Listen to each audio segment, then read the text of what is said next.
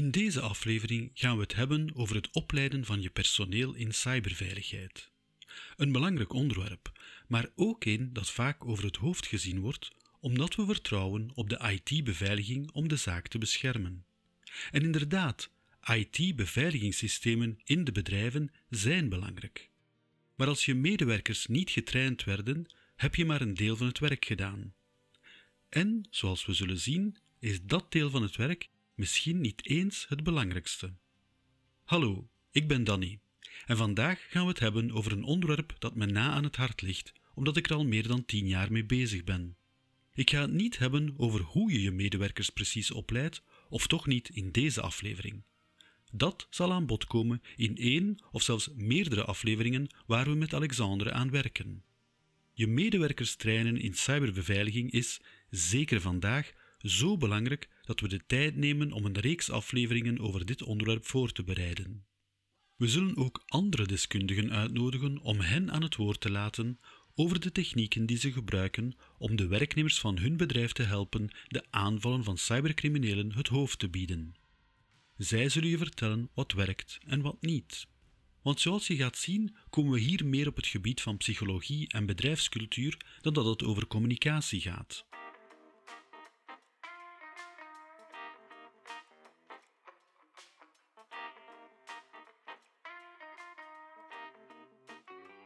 Het is algemeen bekend dat meer dan 90% van de aanvallen verlopen via manipulatie van je medewerkers. En vooral dan via phishing. En dat is niet zo moeilijk te begrijpen. Proberen om door alle IT-beveiligingen te komen is tijdrovend en ingewikkeld, terwijl een goed geschreven e-mail naar de juiste persoon de deuren van je IT-servers in enkele minuten wagenwijd kan openzetten. Maar nee, dat betekent niet dat je je werknemers als een cyberveiligheidsrisico voor het bedrijf moet zien. In feite zijn ze net een sterk punt. Het is wel jouw verantwoordelijkheid om ze de nodige opleiding te geven, zodat ze zich bewust zijn van de risico's en de technieken van de hackers. En vooral, hoe ze daarmee moeten omgaan. De reden dat ik besloot het hier vandaag over te hebben is dat het gezicht van cyberaanvallen aan het veranderen is. Jarenlang hebben we te maken gehad met geraffineerde aanvallen die alleen uitgevoerd konden worden door professionele cybercriminelen. Meestal dus cyberbeveiligheidsdeskundigen die voor de overkant aan het werk zijn gegaan. Deze aanvallen zijn zeer effectief, maar ze vereisen heel wat geavanceerde kennis op het terrein. En ze nemen heel wat tijd in beslag, waardoor ze ook meer geld kosten. Natuurlijk met de hoop om dit geld dubbel en dik terug te verdienen. Ze richten zich dan ook vooral op grote bedrijven. Maar vandaag de dag zien we vaker kleinere aanvallen, die eenvoudiger zijn, maar ook veel talrijker. En dus hebben ze het gemunt op bedrijven van alle maten, met soms zelfs een voorkeur voor de kleinste, die vaak nog slecht voorbereid en slecht beschermd zijn. Dat bleek recent nog uit een artikel in het tijdschrift Data News dat een rapport aanhaalt van Cisco Talos, een toonaangevend computernetwerkbedrijf. De cyberbeveiligingsdeskundigen van Cisco Talos waarschuwen voor de sterke groei van wat bekend staat als commodity malware. Deze malwareprogramma's zijn voor iedereen op het internet toegankelijk en zijn niet aangepast aan één bepaald doelwit. Ze worden dan ook door meerdere criminele actoren gebruikt. En vooral, ze zijn zo gemakkelijk te gebruiken dat aanvallen zelfs vanaf een eenvoudige smartphone gelanceerd kunnen worden. Het klinkt bijna als reclame, maar het gebruiksgemak van deze programma's betekent dat iedereen naar de duistere kant van cyberveiligheid kan overstappen en een cybercrimineel kan worden. En dat heeft dan weer als gevolg dat straatcriminaliteit steeds meer overgaat op online criminaliteit. Iets dat ook al door de FBI en de Europese autoriteiten werd waargenomen. Het aantal verschillende bendes van cybercriminelen neemt explosief toe en hoewel ze minder gespecialiseerd zijn dan de vorige generatie, nemen de risico's voor het publiek en kleine bedrijven explosief toe. In de komende maanden en jaren krijgen we te maken met een lawine van aanvallen in ons privé- en beroepsleven. En dat brengt ons terug bij het onderwerp van deze aflevering: je medewerkers opleiden om deze aanvallen te dwarsbomen. Moet je dan stoppen met investeren in IT-beveiliging? Nee, zeker niet. Niet op dit moment. Maar je kunt een werknemer geen computer geven zonder uit te leggen hoe hij die veilig moet gebruiken.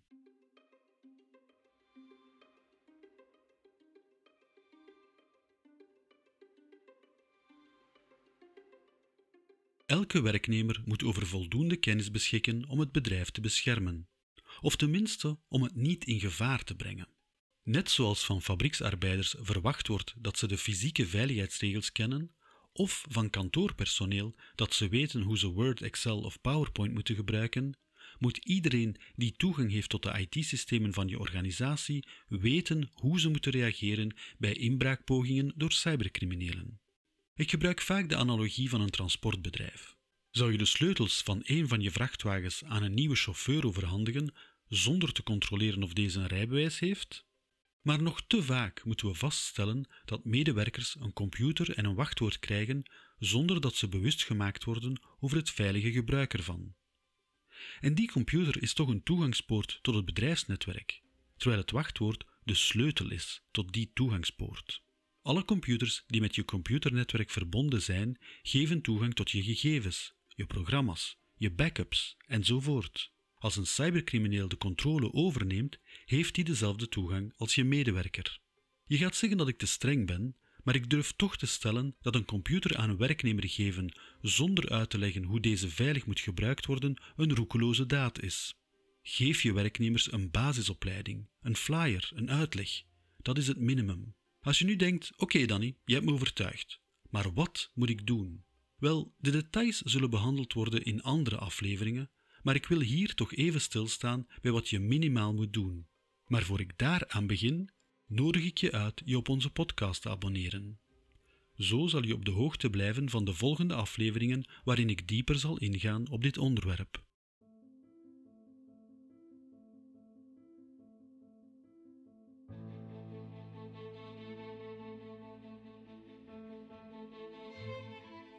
Ik ga het hier niet hebben over bijscholing, want dat is wat in elk bedrijf gedaan moet worden. Maar wel dat in het ideale geval je werknemer eerst bewust moet gemaakt worden van de risico's die aan het gebruik van een computer verbonden zijn. Cybercriminelen zullen proberen via hen in het bedrijf te komen en dat moeten ze weten. Maar ze moeten ook weten dat het beschermen van het bedrijf een gezamenlijke inspanning is.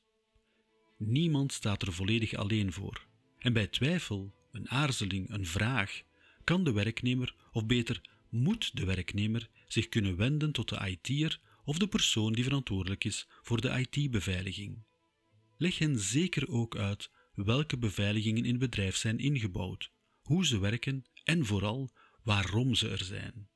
Dit hoeft niet super gedetailleerd te zijn, maar sommige beveiligingen zullen de werknemer beperken, en die zal, misschien een beetje gefrustreerd als het niet duidelijk is waarom die beperking er is, maar al te vaak op zoek gaan naar een manier om ze te omzeilen. Hierdoor kan de beveiliging in gevaar komen. Je IT-afdeling kan deze bewustwording heel goed op zich nemen. Dit helpt zeker ook om een band te scheppen tussen de IT-afdeling en de werknemers. En dat komt zeker van pas in geval van problemen. Nu kan je je werknemers adviseren, of eigenlijk verbieden, om de IT-systemen van de onderneming te gebruiken voor activiteiten die niet bedrijfsgerelateerd zijn. Dit betekent onder andere het openen van je persoonlijke e-mailbox op de computer van het bedrijf of op het internet surfen als dat geen verband houdt met je job. Dit is geen gemakkelijke maatregel, maar er zijn heel wat risico's verbonden aan het onbeperkt gebruik van het internet. Hier kunnen natuurlijk wel alternatieven aangeboden worden, zoals het opzetten van een wifi-netwerk volledig losstaand van het bedrijfsnetwerk, zodat de werknemers op hun eigen toestel kunnen surfen hun sociale media raadplegen of om hun persoonlijke e-mails te lezen. Maar om hiervan een succes te maken, moet je de werknemer uitleggen waarom deze beperkingen opgezet zijn en waarom ze noodzakelijk zijn voor de veiligheid. Natuurlijk mag een training over phishing niet ontbreken. De overgrote meerderheid van de aanvallen beginnen nog steeds met een phishing-mail. Je werknemers moeten dit weten en moeten ook weten wat ze moeten doen als ze twijfels hebben. En dus hebben ze een contactpunt nodig. Het telefoonnummer of e-mailadres van de IT-beveiliging moet gekend zijn om raad te vragen bij twijfel. Ze kunnen immers niet alles weten, maar ze moeten wel om hulp kunnen vragen als dat nodig is. Zoals je ziet is starten met de bewustmaking van je werknemers noodzakelijk en niet eens zo ingewikkeld.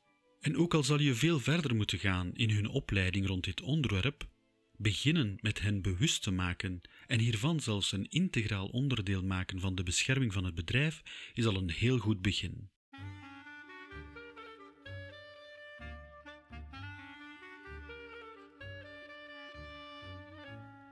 Ik hoop dat je hiermee overtuigd bent van het belang van de bewustmaking van je medewerkers voor de IT-beveiliging van je organisatie of je bedrijf.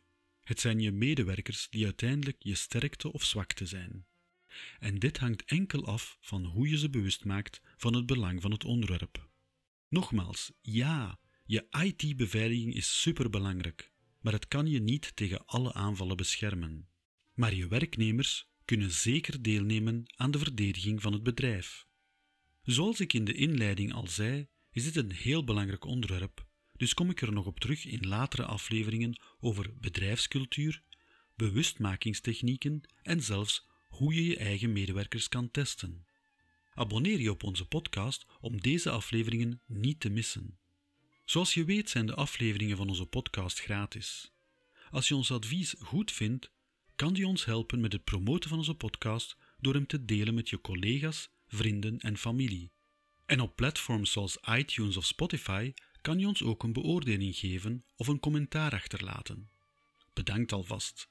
Ik wens je nog een fijne dag en tot binnenkort in de volgende aflevering van je podcast De fraudeur, de hacker en jij.